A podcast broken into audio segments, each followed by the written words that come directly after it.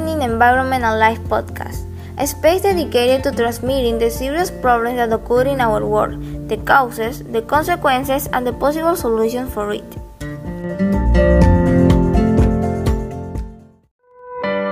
Hello, everyone. Welcome to a new episode of Environment and Life.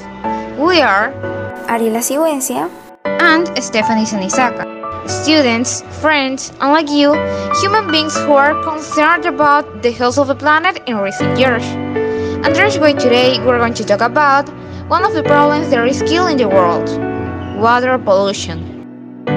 Yes, as you hear it, our essential resource is polluted. But for more information, let's get started. First of all, what is water pollution? Well, don't know how to explain it. Can you do it? I'm sure we need to know this information. Of course, water pollution is a situation when the water composition has been changed to the extent that it is unusable. In other words, it is toxic water that cannot be drunk or used for essential purposes. It should be noted that polluted water not only spells disaster for aquatic ecosystems, the pollutants also seep through and reach the groundwater, which might end up in our households as contaminated water we use in our daily activities like cooking or just taking a shower. Exactly. As you mentioned, it affects not only the biome, but also ourselves. And the worst thing is that we are also the cause of it. Really? Yes, it is true that it is something caused by nature, such as when mercury filters from the Earth's crust, polluting oceans, rivers, lakes, canals, and reservoirs. However, the most common cause of poor quality water is human activity and its consequences, which I'm going to explain now. Number 1. Global warming. Rising global temperatures caused by CO2 from means of transport, electronic devices, or industries heat the water, reducing its oxygen content. Number 2. Deforestation. Felling forests can exhaust water resources and generate organic residue, which becomes a breeding ground for water-damaging bacteria. Number 3. Industry, agriculture, and livestock farming.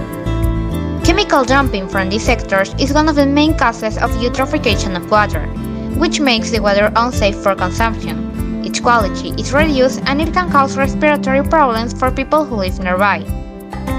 Number 4. Fuel spillages. The transportation and storage of oil and its derivatives is subject to leakage that pollutes our water resources. Number 5. Rubbish and fecal water dumping. More than 80% of the world's sewage finds its way into seas and rivers untreated. Before to continue, I'm going to ask you a question. How many times have you thrown plastic onto the street? I always try not to do it and look for the closest dumpster. However, I have seen a lot of people do it. Why are you asking me that? I'm asking you because it has a great influence on water pollution, since much of the garbage ends up in rivers or seas, and in addition to affecting the water, the animals that live there are also harmed. The main water pollutants include bacteria, viruses, parasites, fertilizers, pesticides, pharmaceutical products, nitrates, plastics, fecal waste, and even radioactive substances. These substances do not always change the color of the water, meaning that they are often invisible pollutants. Oh my god, that sounds horrible and from the comfort of our own homes. It might seem as if water pollution isn't too terrible. However, this situation is everywhere, industrialized nations or not, and can take many different forms. Here are a few types of water pollution which I'm going to explain now. Number 1. Nutrients pollution. Some wastewater, fertilizers, and sewage contain high levels of nutrients.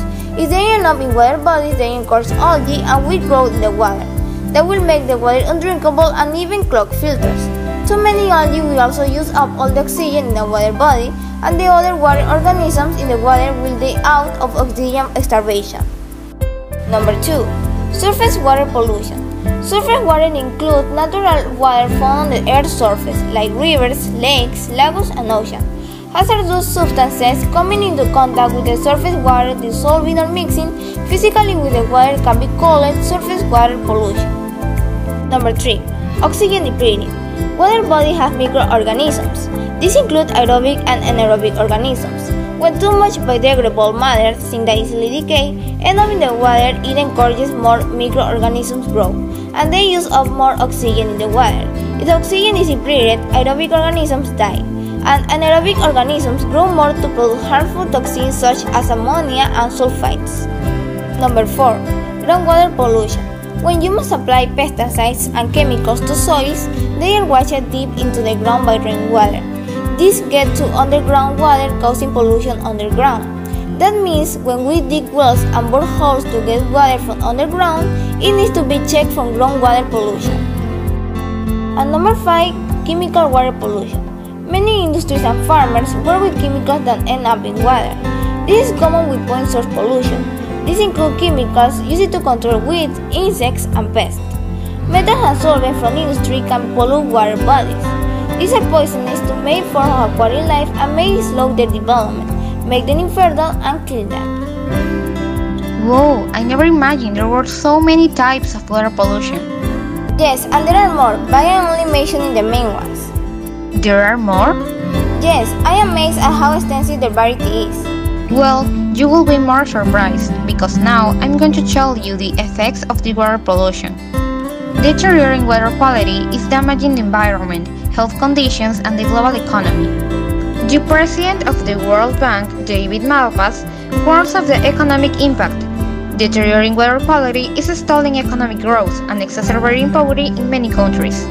The explanation is that when biological oxygen demands, the indicator that measures the organic pollution found in water, exceeds a certain threshold.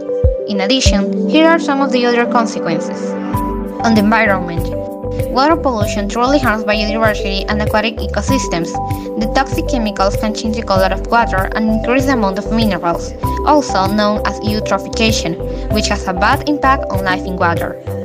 On human health, water pollution has very negative effects on public health. A lot of diseases result from drinking or being in contact with contaminated water, such as diarrhea, cholera, typhoid, dysentery, or skin infections that kill more than 500,000 people worldwide every year. Also, fishing in polluted waters and the use of wastewater for livestock farming and agriculture can introduce toxins into foods, which are harmful to our health. Oh, water pollution really affects us, but I'm sure we can prevent this situation. It's in our hands to do it. Yes, you're right. We need to do it because half of the world's inhabitants will live in water scarce areas by 2025. So every drop of polluted water today is an irreparable loss for tomorrow. That's why we must prevent water pollution with measures like the following. Number 1. Reduce CO2 emissions to prevent global warming and acidification of the oceans. Number 2. Reduce the use of chemical pesticides and nutrients on crops. Number 3. Reduce and safely treat wastewater, so that as well as no polluting, it can be reused for irrigation and energy production. Number 4. Restrict the use of single-use plastics that end up floating in rivers, lakes, and oceans, many as microplastics. Number 5. Encourage sustainable fishing to ensure the survival of species and avoid depletion of seas. Also, we can do it with your voice. One of the most effective ways to defend our waters is to talk with our parents or friends, so that together we can carry out campaigns, fairs, and talks, where we inform people. Because as we can notice, this problem of water pollution is endangering our health, the environment, and all kinds of existing life. Unsafe waters kills more people each year than war and all the forms of violence combined. Meanwhile, our drinkable water sources are finite, Less than 1% of the Earth's fresh water is actually accessible to us. Without action, the challenge will only increase by 2050, when global demand for fresh water is expected to be one third greater than it is now. I agree with you. We have to start changing the world. We cannot allow this situation to continue. Life without water is impossible, and it seems that we have forgotten that the water cycle and the life cycle are one. We hope this topic can open your mind and make you aware of some actions. Thank you very much for listening and joining us.